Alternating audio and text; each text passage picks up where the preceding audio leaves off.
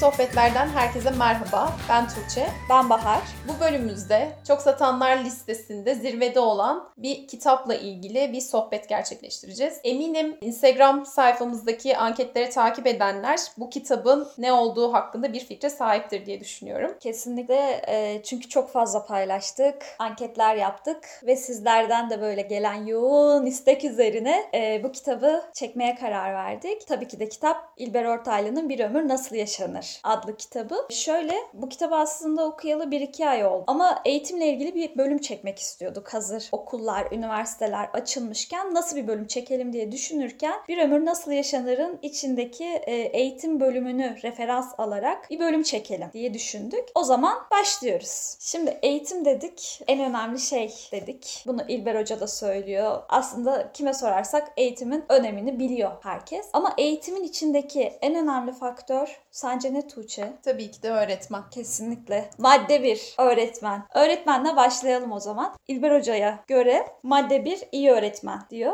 Evet her şey en başta iyi öğretmen yetiştirmeyle olacak. İyisini yetiştirecek sistem de elimizde vardı. Az evvel bahsettiğim Mustafa Necati'nin sistemi. Ama 1970'lerde yine az önce anlattım. Kurnaz politikacılar yüzünden bu sistem ortadan kalktı. Eğitim enstitüleri laçkalaşınca bu fırsat kaçtı. Herkes köy enstitülerinin kapatılmasını konuşuyor. Eğitim enstitülerini anlatan yok. Ne var ki Cumhuriyet'in nitelikli teknik öğretmen yetiştirmesi daha o zamanlarda başarıyla yürütülürken 1970'lerde eğitim enstitülerinin başına gelenler yüzünden bitmiştir. Karşımıza da bu yüzden cevaplanması çok zor bir soru çıkmıştır. Bugün özel okul da kursan, kamu okulu da kursan, öğretmen olarak kimi çalıştıracaksın? Kimi bulacaksın? Buldun diyelim. Mevcut eğitim sisteminden ne çıkaracaksın? Buradan bir şey çıkarmak çok güç. A'dan Z'ye tutarsızlık var. Bunların neticede kasabalar niteliksiz öğretmenlerle doldu. Bunların bir takımı toplumun lideri olabilecek tarzda insanlar olmadıkları gibi idealist de değillerdi. Dahası bunlar maalesef idealist olanları da bastırdı. Kendini insanlara adamış öğretmen tipi kaybolunca bu iş bitti. Bu dönemin ardından ortaya idealist gençler çıksa da yollarını bulamadılar. Zaten aksi mümkün değildir. Önünde iyi bir örnek yoksa insan nasıl çalışacağını bilemez. Çünkü birisini ancak meslektaşı adam eder. Bugüne bakınca ortada böyle bir modelin olmadığını görüyoruz. Eğitim enstitülerinin ziyan edildiği günden bugüne dek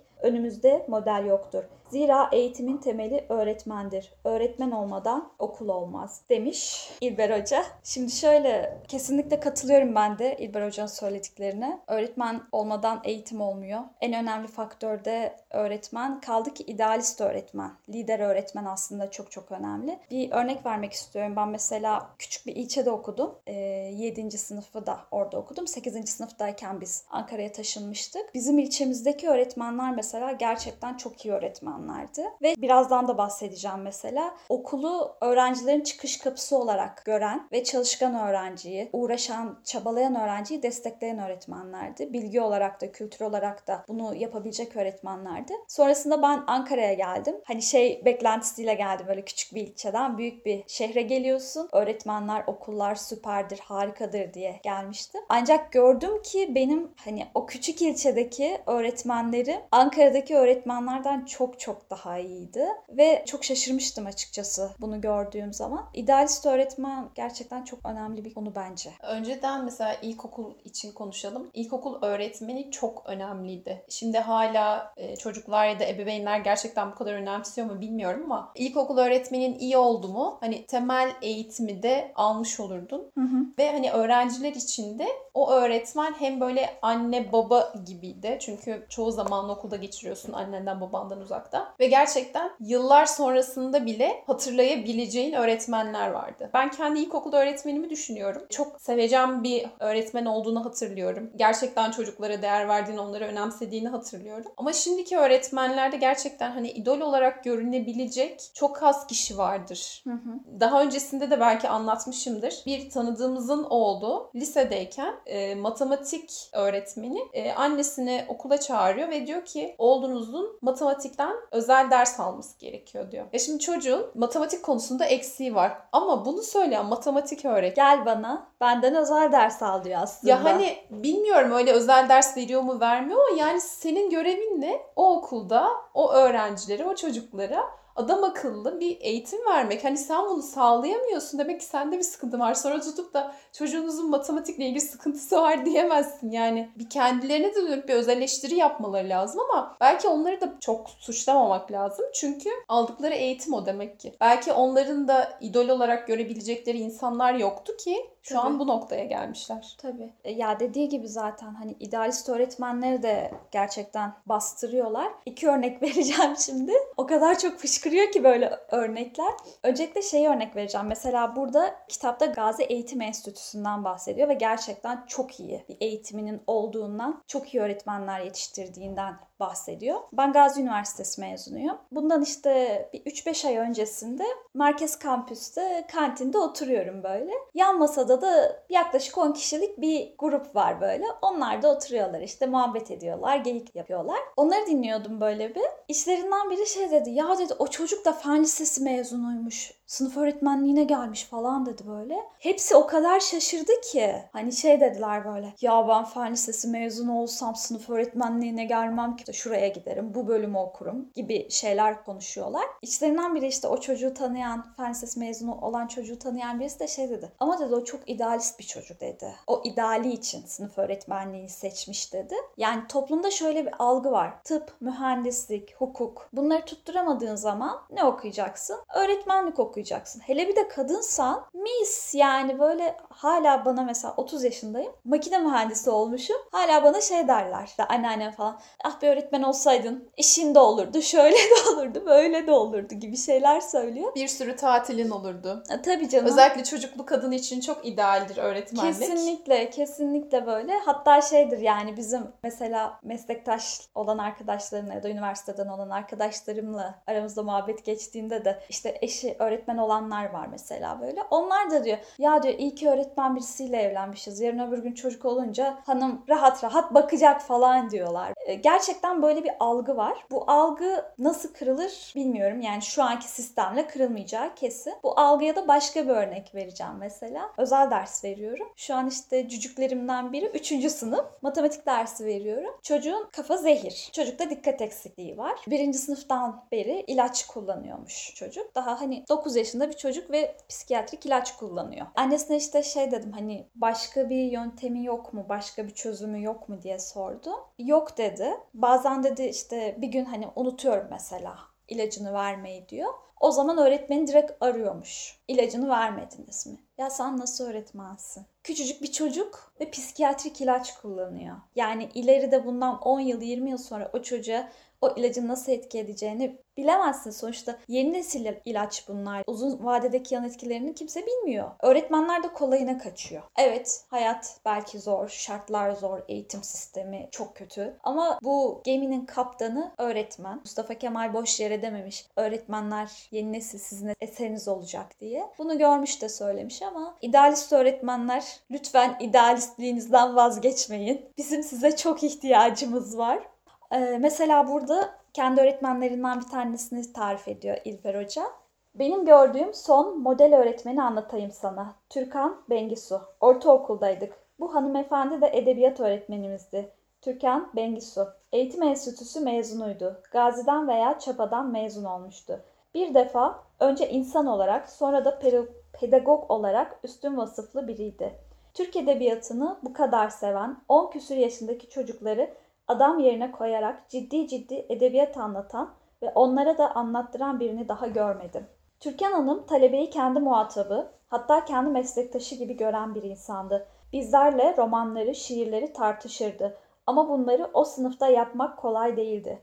Çünkü doğrusu sınıfımızda epey problem mevcuttu. Yüksek bürokratın çocuğuyla gece konduda yaşayanlar beraber okuyordu. Ve buradan doğan çelişkiler yaşanıyordu. Ayrıca isyankar delikanlılar da vardı. Türkan Hanım bunların hepsini adam etti, yola getirdi. Bu tipte hoca çok azdır. Türk Marifi Tanzimat'tan beri işte bu öğretmeni hazırlamıştı. Ahmet Cevdet Paşa'nın kurduğu kadın erkek öğretmen yetiştiren sistem bir öncüydü. Türkiye Cumhuriyeti bunu devam ettirdi. Ama ne acı ki 70'lerde bu iş bitti. Bugünkü eğitim fakülteleri maalesef eğitim enstitüleriyle bir değildir. Onu söyleyeyim. Bunlar hep anlatılacak şeylerdir. Ama özellikle tekrar belirtmek gerekir ki biz maalesef eğitim enstitüsü öğretmenlerini kaybettik. Ucuz politikalarla Eğitim Bakanlığındaki çok bilmiş tiplerin icraatiyle bu hale geldik. Şimdi öyle öğretmenleri öyle sınıfı bulmak da çok zor. Hani bahsetti işte bürokrat çocuğuyla gece kondudan gelen çocuğun aynı sınıflarda okuduğu bir dönemde değiliz çünkü özel okullar var. Kesinlikle mantar gibi her yerde apartman dairesinde. Apartmana zaten üniversite kuruyorlar. Apartman dairesine de özel okul kuruyorlar. Ama e, eski öğretmenlerin bence en önemli noktası gerçekten çocuklara bir şeyler vermek istiyorlar onların bir şeyler öğrenmesi, iyi bir insan olması, eğitimli insanlar olması onlar için gerçekten önemli bir şey. Hani ben oturayım işte mesaimi tamamlayayım da paramı alayıma bakan insanlar değiller. Hani gerçekten karşıdakini önemsiyorlar. Hani yine İlber Hoca'nın dediği hani asıl muhatap olarak öğrencileri görüyordu diye söylemiş. Şimdiki öğretmenlerin bence çok da çocukları muhatap aldığını düşünmüyorum. Tam tersi velileri daha çok öncelik veriliyor. Özellikle özel okullarda zaten hani parası olan konuşuyor misali bir durum söz konusu. Nitekim özel okullarla ilgili de İlber Hoca'nın söylediği bir şey var. Evet. Soru şu, özel okullardaki öğretmenleri nasıl buluyorsunuz? Özel okullardaki öğretmenler zor durumda. Oraya vasıflı insanlar dayanamaz. Bir defa öğretmenin tepesinde bir müdür duruyor, okul sahibi duruyor. Karşıda da çoğu, çoğu gayet edepsiz, müdahaleyi kendine iş edinmiş veliler var. İşleri güçleri yok, okula gelip öğretmene, müdüre akıl öğretiyorlar. Neredeyse bütün gün orada çadır kuruyorlar. Bunlar okulların çalışmasını adeta sabote ediyor. Buna bir örnek vereceğim e, lise sondaki dershanemde işte ilkokul öğrencileri de vardı böyle. Daha ilkokul öğrencisi ikiz kız kardeşler var. Matematik dersi falan aldırıyor annesi özel olarak işte. Yani normal derse giriyorlar çıkıyorlardı. Üstüne işte özel ders etüt şeklinde hı hı. yapılıyor matematikten. E, matematik hocası da işte şeydi stajyer öğretmendi. Üniversite son sınıfta. Garibim hani daha böyle nasıl dik durması gerektiğini bilmeyen çömez bir öğretmen açıkçası. Kız kadın ders başlamadan öncesinde geliyor zaten. Hocanın başının etini yiyor. Şunu şöyle anlatın, bunu böyle anlatın. Şu şöyle olsun, bu böyle olsun. Hoca ders anlatırken kadın da yanlarında. Yani ders bitiyor. Hocanın yine başının etini yiyor falan böyle. Allah'ım yani o adamcağızı gördükçe ben o kadar acıyordum ki haline anlatamam ya. Yani birebir anlattığını gördüm yani. Gerçekten özel okullardaki öğretmenlere de Allah sabır versin. Hani gerçekten hani öğretmenin önünde aslında öğretmenle öğrencinin arasında hem müdür var hem veliler var. Hı hı. Öğretmen öğrenciye ulaşmakta zorluk yaşıyor zaten. Evet. Hani idealist bir öğretmen olsa bile bence arada gerçekten engeller var. Kesinlikle doğru diyorsun. Peki öğretmen dediğimiz şey nasıl olmalı? Öğretmen dediğin ciddi, işini seven,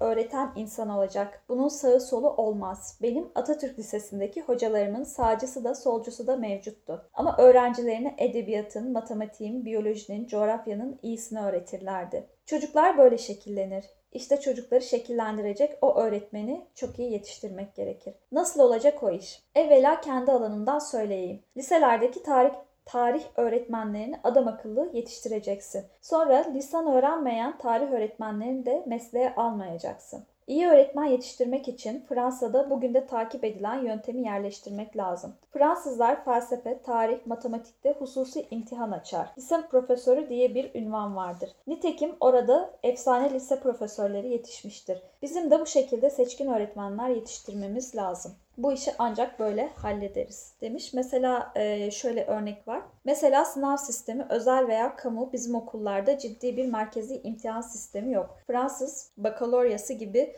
matura denilen olgunluk sınavı gibi bir kriterimiz yok. Bunlardan bizde de vardı bir zamanlar ama artık yok. Sonra lise hocaları işe ciddi bir imtihanla alınıyor. Herkes kendi yandaşını alıyor. Fransa'da Jean-Paul Sartre, Albert Camus gibi bir dönem lise öğretmenliği yapmış isimlerin geçtiği ciddi profesörlük sınavları bizde yok. O bakımdan son derece sakat bir noktadayız. Ama ne olursa olsun öyle ümitsiz bakmayın demiş. Düşünsene Jean-Paul Sartre, Albert Camus lisede öğretmeni. yani ufku düşün. Sana kattıkları vizyonu düşün yani. Yani bizim lisedeki öğretmenleri düşünüyorum. Aklımda iyi eğitim veriyor bana gerçekten çok şey öğretti diyebileceğim çok fazla isim gelmiyor aklıma. Çünkü hani çok kalıplaşmış bir şekilde bir şeyler anlatmaya alıştıkları için yıllar önce hazırladıkları notlar öğrencinin karşısına geçip öğrencilerin gözüne bile bakmadan kendince bir şeyler anlatıyor, tahtaya bir şeyler karalıyor. Hadi bunu öğrenin. Yani şimdi öğretmenlik buysa o zaman herkes yapabilir. Ben bunu zaten kitaptan da internetten de öğrenirim. Hani kaldı ki şey mesela artık internet çağındayız. Yani ben mesela anlamadığım bir şey ya da e, merak ettiğim bir şeyi dünyanın öbür ucundaki hocadan öğrenebiliyorum. Amerika'daki bir profesörden dinleyebiliyorum. E, öyle olduktan sonra ben niye okula gideyim ki zaman niye öldüreyim ki? Mesela şimdi işte astronomiyle ilgileniyorum işte uzay bilimleriyle ilgileniyorum. Bir taraftan düşünüyorum hani acaba tekrar ÖSS'ye girip astronomi mi okusam? Ama sonra diyorum ki hani oturup kendi kendime öğrenmem benim için daha faydalı olacak. Çünkü yine genel olarak üniversitedeki ya da genel olarak bizim eğitim sistemimizdeki şey nedir? Hoca gelir tahtaya yazar. E, sınav şuradan şuraya kadar hadi ezberle gel. E, böyle olduktan sonra ben niye zamanımı kaybedeyim ki? Yani oturur kendim hani okurum şey yaparım. Hadi sadece diplomam olmaz. O da açıkçası e, şu aşamada çok da gerekli bir şey değil benim için. Zaten keyfim için okumayı düşündüğüm bir şey olduğu için diploma olmaması benim için çok da sıkıntı değil. Mesela tarih derslerini düşün. Öğretmen gelir. e, kitabınızın şu sayfasını açın. Önce sen oku, sonra sen oku, sonra sen oku. Zil çalar ve ders bitmiştir. Ay evet ne Sonra sıkıcıydı. derler ki neden çocuklar tarih sevmiyor, neden tarih bilinci yok diye. İşte bunlardan dolayı hani bir de bu e, kök nedeni bir baksalar. Aynen halbuki yani şey böyle tarih böyle en gürül gürül anlatabileceğin ders. En böyle hani kolaylıkla sevdirilebilecek bir ders. Ne bileyim bir fiziğe, bir kimyaya göre, bir matematiğe göre belki. Ama işte dediğin gibi sadece gelip okumak yetmiyor. Ama şey bir parantez açmak istiyorum. Evet lisedeki hocalarımızın çoğu için çok iyi diyemeyiz belki ama özellikle matematik hocası ve edebiyat hocamız Fuat Hoca ve Selva Hoca ya benim için çok özel, çok önemli insanlardı. Fuat Hoca zaten bana matematiği gerçekten sevdiren insan. Selva Hoca'nın da böyle e, farklı bir ders anlatma tekniği vardı ya hani hatırlıyor musun? Yazdırmazdı işte defter almayın. Siz zaten sayısal sınıf öğrencisisiniz. Hani kitabınızın boşluğuna yazın deftere ne gerek var derdi. Ve gerçekten böyle anlatarak işlerdi. Güzel, çok da güzel anlatırdı. Hala mesela böyle birileriyle edebiyat konuşması yaptığımda, edebiyatla ilgili muhabbet ettiğimizde o bilgiler çıkıp geliyor benim aklımda. Vay be diyorum kadın nasıl bir edebiyat anlatmış da benim aklımda kalmış diyorum yani. İşte bu bahsettiğimiz isimler de işini gerçekten hakkıyla yapan ve seven insanlar. Bence diğer bahsettiğimiz diğer gruptakiler şans eseri öğretmen olmuşlardır diye düşünüyorum ve mesleklerini sevmiyorlar ve bu gerçekten kötü bir şey. Yani o mesleği sevmiyorsan kimseye zararın olmadan bence yoldan çekil. Kendi işine bak. Hiç gerek yok yani. Kesinlikle. Burada onunla ilgili çok çok güzel bir örnek var. Ee, onu okumak istiyorum. Öğretmenin öğrencisinin hayatını nasıl değiştirdiğini anlatıyor. İsme bakar mısın? Halil İnalcık'tan bahsediyor. Taşra kasabaları bazen olumsuz etkide bulunup öğrenciyi boğar. Bu yüzden çocuğa bir çıkış kapısı sunmak gerekir. Okul bu kapı olabilir. Oluyorsa iyidir. Bizim Halil Hoca, Halil İnalcık anlatıyordu. Babası ölmüş, iki kardeşi ve anasıyla kalmış. Anne çocukları hep bursla yatılı okutmuş. Halil Bey'in İstanbul'dan bir şeyh ailesinden geldiğinde belirtelim. İşte o dönemde Balıkesir Öğretmen Okulu'na gitmiş. Ama şehri o kadar tatsız bulmuş ki Balıkesir sosyal hayat itibariyle küçük insanın kam alacağı bir yer değildir. Üstelik bugün de öyledir. Hiçbir şey uygun değildir. Ben bir yerin nasıl olduğunu öğrenmek için küçük insanın nelerle mutlu olduğuna, şehirden ne kadar istifade edebildiğine bakarım. Çünkü burjuvazi her yerde bulur yolunu ama küçük insan bulamaz. Burjuvazi her yerde mutlu olabilir. Küçük insan olamaz. Hoca Balıkesir'de okurken intihar etmeyi düşündüm bir ara dedi. Ne kadar acı. Çok da zeki bir çocuktan bahsediyoruz. Neyse ki o şehirde öğretmenlik yapan Abdülbaki Gölpınarlı çıkmış. Nusret Kürkçüoğlu çıkmış. Onun önüne düşmüşler. Dikkat et bunlar büyük alimler. Halil Bey'in şansına bu isimler o sırada Balıkesir'de görev yapıyordu. Sonra üniversiteye geçtiler. Geçmeden evvel Nusret Hoca Halil Bey'e çok iyi derecede matematik ve fizik öğretmiş. Halil Bey de bu tesirle evvela mühendis olmak istemiş. Gölpınarlı'yı zaten anlatmaya gerek yok. Müthiş bir edebiyatçıydı. O da Halil Bey'i çok etkilemiş. Gölpınarlı'nın Halil Bey üzerindeki bu tesiri çok önemlidir, sonuçları olmuştur. Sana bir şey söyleyeyim. Halil Hoca ölene kadar Türkiye'nin en büyük edebiyat tarihçisiydi. Gölpınarlı'dan aldığı eğitimle başlayarak bu yola girmiştir. Elbette Orhan Şahik Gökyay veya Gölpınarlı'nın kendisiyle yarışamazdı. Ama kimse kusura bakmasın. Bugünkülerden çok daha iyiydi. Fuzuli divanını Farsçasından okurdu. Bütün nazım sanatlarını bilir, şiir yazardı. Nereden nereye? Halil İnalcık tek değil. Cumhuriyet'in taşradan çıkan epey önemli aydını var. Aziz Sancar örneği Mardin'den geliyor. Demek ki öğretmenler bir dönem çok etkili olmuş. Evet, işte öğretmenlerin bu gibi çocukların farkına varması, onları işlemesi lazım. Demek ki iyi öğretmen şart. İlginçtir. Bahsettiğim dönemde neredeyse bütün taşra böyleydi. İstisnai isim çoktu. Pertev Nihai Boratav Konya'ya sürülmüştü. Nihal atsız Malatya'daydı. Gazi Yaşargil nereden yetişti sanıyoruz. Polatlı'dan Ankara'ya geldi. Atatürk Lisesi'nde Latince bölümünde okumuştu. Bunlar çok önemli çizgiler azizim. Eh, İsmet Paşa'nın oğlu Erdal İnönü'de Gazi Lisesi'nde okudu. Aziz Sancar Mardin'den çıkmış. İşte mesele budur. Demek ki herkese eşit eğitim sağlanıyordu. Mardin'de de ya da Diyarbakır'da da, Ankara'da da öğretilenlerden farklı eksik bir şey öğretilmiyordu. Görüyoruz ki Aziz Sancar'a en az Kavataş'taki kadar kimya öğretilmiştir. Bir de o dönemin öğretmenleri epey enteresandı. Matematikçi matematiğe kafası basanları hemen saptar, onlarla iyice uğraşırdı. Kendisi de derslerine iyi hazırlanırdı. Şunu bilirdi çünkü kendisini yetiştirmezse, dersine iyi hazırlanmazsa zeki çocuğun karşısında mahvolurdu. Edebiyatçı da aynı şekilde davranırdı. Onlar da kendini hazırlar ve öğrenciler arasında edebiyatçı takımıyla uğraşırdı. Şimdi bunu artık göremiyoruz. Bizim hayatımızda öğretmenin artık yeri yok. Ama acilen aramızdaki yerlerini geri almaları gerekiyor. Öğretmenlerin hayatlarımıza geri dönmesi gerekiyor. Hem de birer lider olarak diyor İlber Hoca. Öğretmenin de aslında her daim öğrenci olduğunu bilmesi lazım. Kendisini geliştirmeye devam etmesi lazım ki karşısındakine de bir şey öğretebilsin. Hı hı. Ee, bununla ilgili de Gülse Birsel'in bir söylemi var. Herhangi bir konuda hoca olduğunuzda bittiniz demektir. Dükkanı kapatın gidin. Öğrencilik çok zevkli ve heyecan verici bir şey. Ben hayat boyu her konuda öğrenci olmak istiyorum. Ayakta alkışlanacak bir söz ya. Zaten kadını seviyorum hani. Yaptığı işleri de çok takdir ediyorum gerçekten. Çok haklı bir söz. Peki öğretmeni konuştuk. Hatta yerdik. Peki bütün yük öğretmenin üzerinde mi? Değil tabii ki de. Peki eğitimi iyileştirmeyi nasıl sağlayacağız dersek elit eğitiminden bahsediyor İlber Hoca. Seçkince elit bir eğitim vererek sağlayacağız. Şunun üzerinde ısrarla durmamız gerekiyor. Eğitim doğrudan doğruya elitist olmak zorundadır. Elit olmaktan korkmayın. Bu utanılacak bir şey değildir. Elitist olmayan, elitlerini iyi değerlendiremeyen bir toplum dekadansa mahkumdur. Çok açık ki insanların aklını ve kabiliyetini eşitleyemezsiniz. Demek ki bu akla ve kabiliyete göre bir eğitim vermemiz gerekecek. Bizim eğitim sistemimiz mesela herkes matematiği çok iyi yapmak zorunda. Herkes fiziği çok iyi yapmak zorunda. Türkçeyi aynı şekilde çok iyi yapmak zorundayız. ÖSS'ye hazırlanan çocuklara bakıyorum. Sayısalcılar matematiği, fiziği, feni çok güzel yapıyor. Artık Türkçe'de hatta sosyal bilgilerde yarışıyorlar. Sosyalden bir tane soru yapması bir sayısalcının bir soruyu fazla yapması bilmem kaç bin kişinin önüne geçiriyor. İyi de bu adam mühendis olacak. Sayısal evet çok iyi bilsin.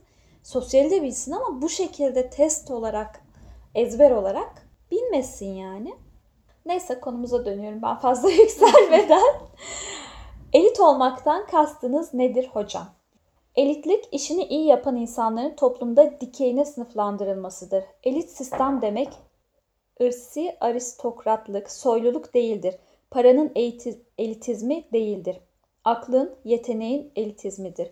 Aklın elitizmi de illaki matematik, fizik dahisini çıkaracak bir elitizm değildir. El emeği uzmanlarının da eliti vardır. Yani parmakların ve ellerin de eliti bulunur. Söz gelimi Türkiye'de benim tanıdığım en elit insanlardan biri Döşemeciler Loncası'nın eski başkanlarından Hüsnü Diker Usta'ydı. Ben onu derse davet ederdim. Ölene dek de ettim diyor. Yani elitin tarifi öyle sanıldığı gibi değildir. Elitlik illa paranın veya mülkün gücüne sahip olmak veya iktidar üyesi olmak demek değildir. İlla bir diploma almak da değildir. Toplum bunu iyi tespit edip örgütlenmelidir. Elit lafından zinhar kaçınmayacaksınız. Tam aksine çocuklarımızın bir düstur olarak elit biçimde yetişmesi gerekiyor. Bu çizgi etrafında gelişemeyen, yetenekli insanlarını değerlendiremeyen bir eğitim sistemi zaten dolandırıcılık demek. Kaldı ki şu anda da zaten eğitim tamamen paraya dönmüş durumda. Çocuklar böyle yürüyen dolar işaretleri gibi dolaşıyorlar etrafta. Yani müthiş paralar dönüyor. Hani lise son için hani ortalama bir özel okul lise son için 32 bin lira gibi bir rakam isteyebiliyor. Anaokulu daha da pahalı. Hatta yanlış hatırlamıyorsam TED'in 50 bin civarıydı sanırım anaokulu. Gerçekten hani işin ticarete dönmesi çok kötü. E, kafanı çevirdiğin her yerde, her apartman özel okula dönmüş durumda. Hı hı. Biz bu kuzey ülkelerindeki eğitim sistemiyle ilgili konuştuğumuzda hı hı. E, Finlandiya'daki eğitim sisteminde 6, 7 ve 8. sınıflarda dahi haftada ortalama 6-7 saatlik bir spor saati olduğunu söylemiştik. Şimdiki çocukların sadece bir kafalarını çıkartıp nefes almaya sadece yerleri müsait. Çünkü Hı. diyoruz ya apartmanlarda artık eğitim veriliyor.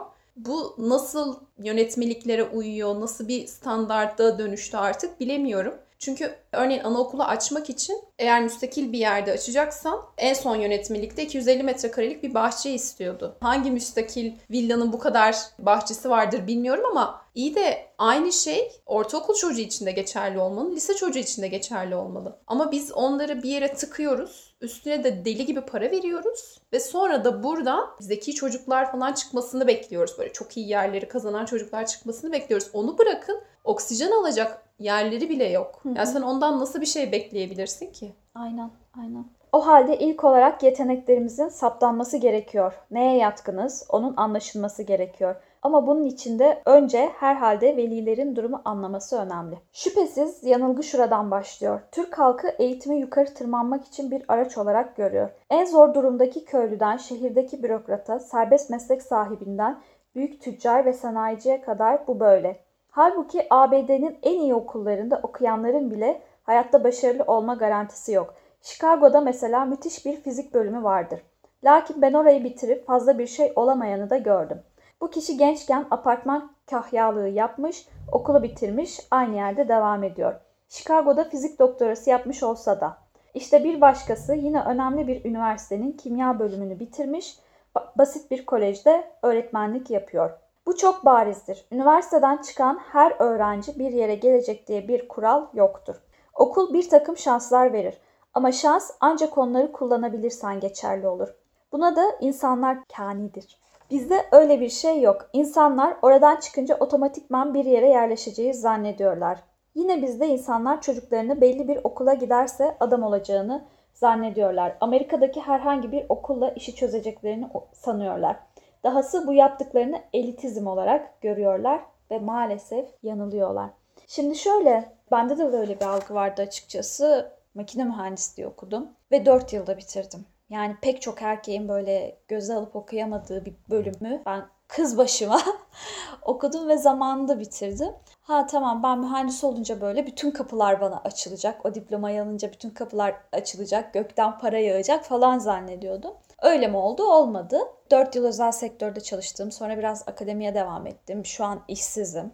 Bu algı hepimizde var gerçekten. Doğru bir algı mı? Değil. Evet okul bazı şanslar veriyor, diploma bazı şanslar veriyor belki. Ama kesinlikle hani okul seni bir yerden alıp bir yere uçurmuyor ya da bir yere taşımıyor. Sen yine ne yapıyorsan kendin yapıyorsun. Okul böyle biraz süs gibi kalıyor açıkçası. Mesela şeyde bilgi yarışmalarını düşünelim oraya katılan hani nice mühendis, doktor, üniversite öğrencisi ilerleyemezken hiç beklemediğimiz kültürlü ama hani kitap okuyan belki bizim düşündüğümüz anlamda işte üniversite okumamış, yüksek lisans yapmamış ama hani bilgili ve kültürlü insanlar çok iyi bir şekilde ilerleyebiliyorlar. Yani üniversite okumak gerçekten bizim düşündüğümüz kadar çok bir şey katmıyor bize. İş şeye geliyor aslında. Kendini nasıl geliştirdiğin, hayata senin kendini nasıl hazırladığınla ilgili bir durum. Nitekim aslında ben de mesela mezun olduğumda okuldan sonra ne yapacağım?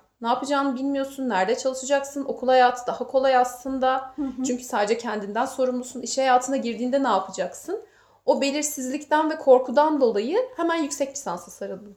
Hani aslında istiyor muydum yüksek lisans? Hayır istemiyordum ama sırf o korkudan hani risk alamamaktan cesaretsizliğimden dolayı e, yok ben çalışmayayım da hani yüksek lisans yapayım gibi düşündüm. Nitekim böyle devam eden hani arkadaşlar da oldu. Hani belki normalde akademik kariyer düşünmüyorlardı ama bir anda kendilerini öyle bir şeyin içinde buldular. Bu biraz da İlber Hoca'nın da öyle bir söylemi var. Hani şimdiki gençlik aslında hayata hazır değil diye. Evet. Çünkü böyle pamuklara sarılı bir şekilde büyüyoruz. Evet. Hani sadece tek sorumluluğumuz okul, ders çalışmak.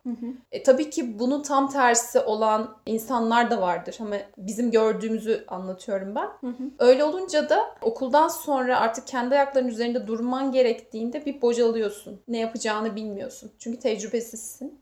Kendine ne kadar çok bir şey katarsan okul süresince de aslında şansını kendin yaratman lazım. Şöyle ben hani üniversite zamanında okurken de çalıştım işte farklı işlerde. Yani iş hayatını az biraz görmüştüm. Ama bir mühendis olarak tamam işte stajlar yaptım. Stajyer mühendis olarak. O zaman da bir şeyleri görüyorsun, kavruyorsun ama iş hayatı gerçekten çok çok farklı bir dünya ve böyle e, mezun olunca sudan çıkmış balığa dönüyorsun. Evet öğretmenleri eleştirdik az önce ama burada akademisyenleri de çok ciddi eleştirmek lazım. Bence üniversiteler böyle usta çırak ilişkisiyle eğitim veren yerler olmalı. Biz sonuçta onların meslektaşları olacağız. Her ne kadar bizden çok daha deneyimli olan hocalarımız olsa da onlar e, mezun olduğumuzda onlarla meslektaş oluyoruz. İşte o da makine mühendisi sıfatıyla anılıyor. Ben de makine mühendisi sıfatıyla anılıyorum. Ama hiç böyle kalkıp da usta çırak ilişkisine giren bir hoca olmadı. Çünkü asıl bildiklerini sana öğretmek istemiyor. Neden? Ego.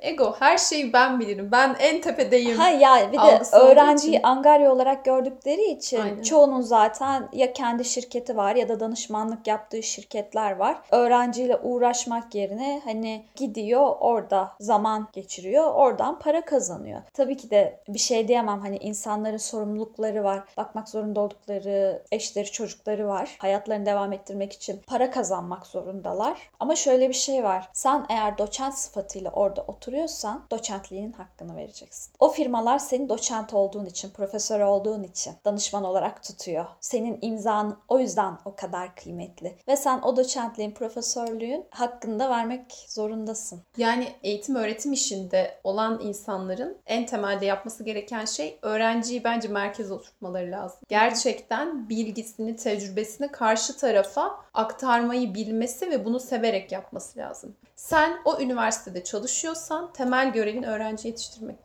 Ben şöyle söyleyeyim sana. Mühendisliğin kendi alanımla ilgili, makine mühendisliği ile ilgili pek çok şeyi 30 yaşındayım ve ben 2-3 yıl öncesinde gerçekten anlayıp böyle idrak etmeye başladım. Hani bilmek farklı bir şey, idrak etmek farklı bir şey. 2-3 yıl öncesinde gerçekten böyle bir şeyleri özümsemeye başladım. YouTube'dan, Ekşi Sözlük'ten ya da çok farklı bloglardan çok daha fazla şey öğrendim ben okulda öğrendiğimden. Gerçekten mühendislik bakış açısını kendim araştırarak, kendim böyle kurcalayarak öğrendim. Kimse bana öğretmedi. Halbuki baktığın zaman internet çağındayız, bilgi çağındayız. Bilgiye ulaşmak zor bir şey değil. Termodinamiğin bilmem kaç tane formülü var. Yazdığın zaman çatır çatır çıkıyor önüne. Ya da işte kitaplar var, çıkıyor önüne. Tamam bunları bilmek belki önemli. Ama o formülü nasıl yorumlayacaksın? Bir mühendis olarak e, bir soruna nasıl bir çözüm getireceksin? Bunu öğretmek zorundalar bize. Ama kimse bunu yapmadı. Hani böyle tek tük bazı derslerde böyle 3-5 derste belki. Ama bütün bir ders boyunca yapana çok rastlamadım ben açıkçası. İş bence dönüp dolaşıp en temel şeye geliyor. Hani mesleğini hakkıyla icra edebilmen ve gerçekten severek yapıyor olman. Kesinlikle öyle. Biz kitaba dönecek olursak eğer şimdi peki eğitimin iyisi nasıl olacak diye sorarsak İlber Hoca'ya göre eğitimin iyisi müzikle, matematikle ve filolojiyle bir de sporla olur. Bunu sağlayamadığınız sürece istediğiniz kadar okul açın. Netice değişmez. Neden biliyor musun? Zira tarihi zamandan geriye gittikçe sağlam bir filoloji yani dil bilgisi ve tekstoloji denen metin okuma ustalığı gerekiyor. Dünyanın dibine inmek için bu gerekir. Coğrafyada bu vasfı tamamlar. Bir toplum ancak filoloji bilgisine sahipse bütün zamanları kontrol ediyordur. Bir toplum musiki ve matematikten anlıyorsa bütün insanlıkla irtibat kuruyordur, dünyalı olmuştur diyor. Bizim de zaten sporla ilgili bölümümüzde de konuşmuştuk. Sporu boş zaman uğraşı gibi görüyoruz toplum olarak ama aslında vücudumuza, zihnimize ne kadar büyük etkileri olduğunu zaten konuşmuştuk. O bölümü de dinleyin bu arada mutlaka. yani bunda da dediklerine çok katılıyorum ben yine İlber Hoca'nın. Ya çünkü önce kendi dilini layıkıyla öğrenmen lazım ki diğer şeyleri anlayabilesin. Hani işte müziktir, spordur. Bunları da hobi gözüyle bakılıyor. Ama oysa ki bütün bu disiplinlerle beraber diğer şeylere de yoğunlaştığında aslında her şeyi çok daha güzel ilerletebiliyorsun. Daha disiplinli oluyorsun. Zamanı daha iyi yönetebiliyorsun. Şöyle bir örnek vereceğim mesela senin de karşına çıkmıştır. Üniversitedeyken böyle arkadaşlarla sohbet ediyorsun. Bazılarının konuşabildiği tek şey ders. Tek şey. Başka bir hayatın yok mu? Düşünsene hani ne kadar yavan yaşıyor, ne kadar dünyadan bir haber yaşıyor. Ben mesela suç ve cezayı üniversite sınavına hazırlandığım yıl okudum. Baktığın zaman evet test çözmem gerekiyor ama diğer taraftan kitap okumak benim için hayattan bir tat almaktı yani o dönem. Ruhunu da beslemen gerekiyor. Tabii canım çünkü. hani şu dönemde de aynı şekilde ama farklı şeyler de yaptığın zaman hani ruhun da zenginleşiyor, kafan dinleniyor, kafan dinginleşiyor. Hep ders hep ders nereye kadar böyle. Yani nitekim öyle olan insanların da aslında gerçek hayatta başarısız olduğunu da görüyoruz. Tabii yani insan ilişkileri ne kadar zayıf. Kaldı ki gerçek dünyada network dediğimiz o doğru insanlarla doğru zamanda doğru teması kurabilmek çok büyük hayat kurtarıyor yani. Şimdi şöyle de bir durum var. Kanayan yara, ülkenin kanayan yarası. Birçok insan açmazlardan yılıp çocuklarını en azından üniversite eğitimi için yurt dışına göndermeye başladı. Bu konuda ne düşünüyorsunuz diye soruyor. İlber Hoca'nın cevabı ise şu şekilde. Eğitim faciasından kurtulmak için çocuklarınızı yurt dışına göndermeniz de kar etmez. Neticeyi değiştirmez. Size ancak hayal kırıklığı yaşatır. Çocukların harcanıp gitmesinin ötesine böyle geçemezsiniz. Ama kendiniz bilinçli olarak yetiştirdiğiniz insanları dışarı yollarsanız hiç, hiç şüphesiz ki kazanırsınız. Türkiye Cumhuriyeti senelerden beri eski toplumların ilahlara insan kurban etmesi gibi hekimlerini, mühendislerini yetiştirip yetiştirip dışarıya yolluyor. Yolluyor da ne oluyor? Nerede büyük hukuk profesörleri? İki Nobel'den başkası nerede? Bunlar bize bir şey göstermiyor mu? Anlamamız lazım. Kültüre, köklü bir kültüre yatırım yapmamız gerektiğini idrak etmeliyiz. İnsan kalitesi köklü bir kültürden geçer.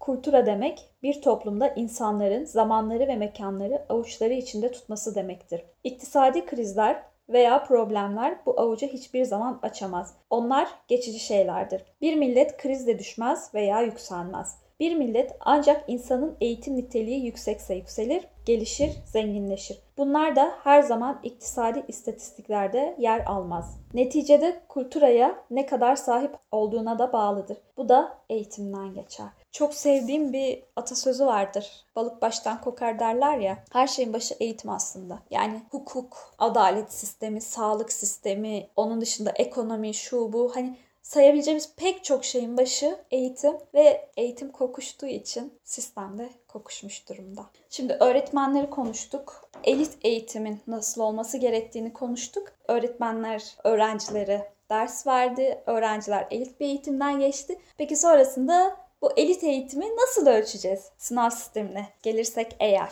Türkiye'nin çok aşina olduğu bir bilim sınav sistemi. Yarış atı sistemi böyle.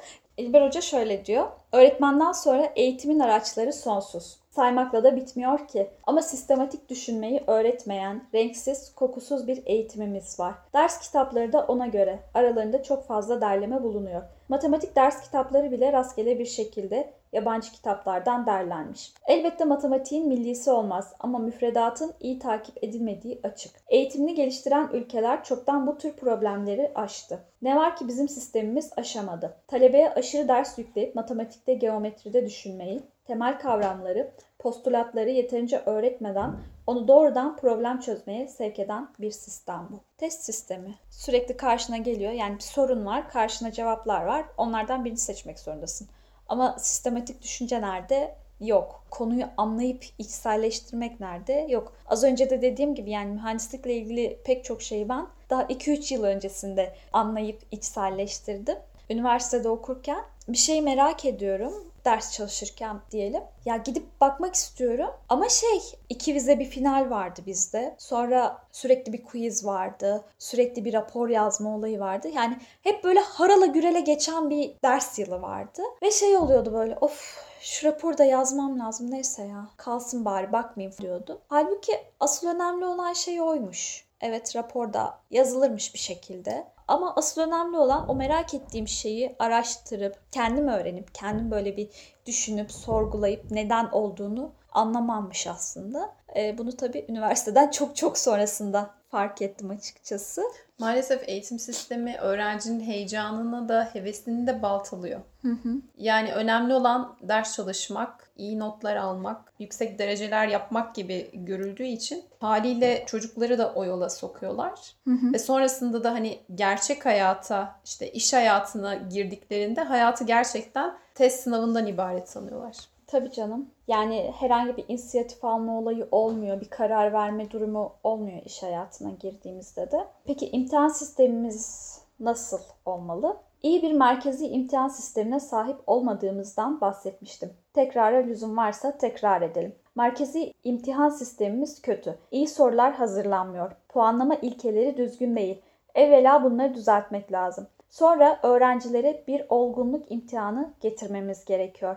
Öğretmenlere de ayrıca bir imtihan düşünmemiz lazım. Bunlarla beraber ele almak gereken bir konu daha var. Öğrenci sayısını da düşürmeliyiz. Kalabalıkla çağdaş eğitim olmaz. Sınıflar küçük ve öğretmenler çok olacak. İdeali budur demiş. Gerçekten de böyle yani sadece yıl sonlarında girilen, daha doğrusu orta sonda, lise sonda girilen sınavlar olması yerine daha mantıklı bir sınav sistemi getirilebilir. Gerçekten başarıyı ölçüp ölçmediği tartışılır. Çünkü asıl hani kilit nokta orada sınava hazırlanan öğrenciler için doğru seçeneği işaretlemek oluyor. Hani nitekim işte bu YDS, ALES gibi sınavlarda da bu sınavlar için çıkan hazırlık kitaplarında da tamamen test tekniğine yönelik işte soruda şu varsa, şıklarda bu varsa doğru cevap budur gibi tamamen teste yönlendiren kitaplar mevcut. Hı hı. Hani gerçekten konuyu öğretmek, anlatmak, hani tekniğini kavratmaktan ziyade e, bütün hayat 5 şıkkın, 4 şıkkın içinde geçiyor. Tabii canım ya şöyle bir örnek vereceğim ben mesela. Ben üniversite son sınıftayken Kent English diye bir İngilizce kursuna gidiyordum. Sakarya Caddesi'ndeydi. Hocalar ana dili İngilizce olan insanlardı işte ve kapıdan girdiğin andan itibaren İngilizce konuşmak zorundasın. Kantindeki görevli de temizlik görevlisi de İngilizce konuşuyordu açıkçası böyle. İlk başta gittiğinde böyle kalıyorsun ama sonrasında böyle tarzanca da olsa, çat pat da olsa konuşmaya başlıyorsun, alışıyorsun. Ben çok seviyordum orayı. Maalesef kapanmış. Ama şeye bakıyorsun diğer taraftan böyle YDS kursu diye İşte açılanlara. bir ayda hızlandırılmış YDS kursu. Ha öyle yerlere bakıyorsun. O kadar çok şube açıyorlar ki. E, ülkeye bakıyorsun İngilizce konuşan adam yok. E, bir yerde bir hata var. Ahmet Şerif İzgören'in de dediği gibi uzun yıllar Türkçe dersi görüyoruz fakat kitap okuma alışkanlığımız yok. Beden eğitimi dersi görüyoruz fakat çok azımız sporla uğraşıyor. Yabancı dil dersi görüyoruz. Fakat hiçbir dili doğru düzgün konuşamıyoruz. O zaman eğitim zannettiğimiz bu zırvalığı yeniden kurgulamamız gerekiyor. O zaman bu haftalık bizden bu kadar. Bu konuyla ilgili yorumlarınızı da bize yazarsanız çok seviniriz. Başka bir bölümde görüşmek üzere. Hoşçakalın. Hoşçakalın.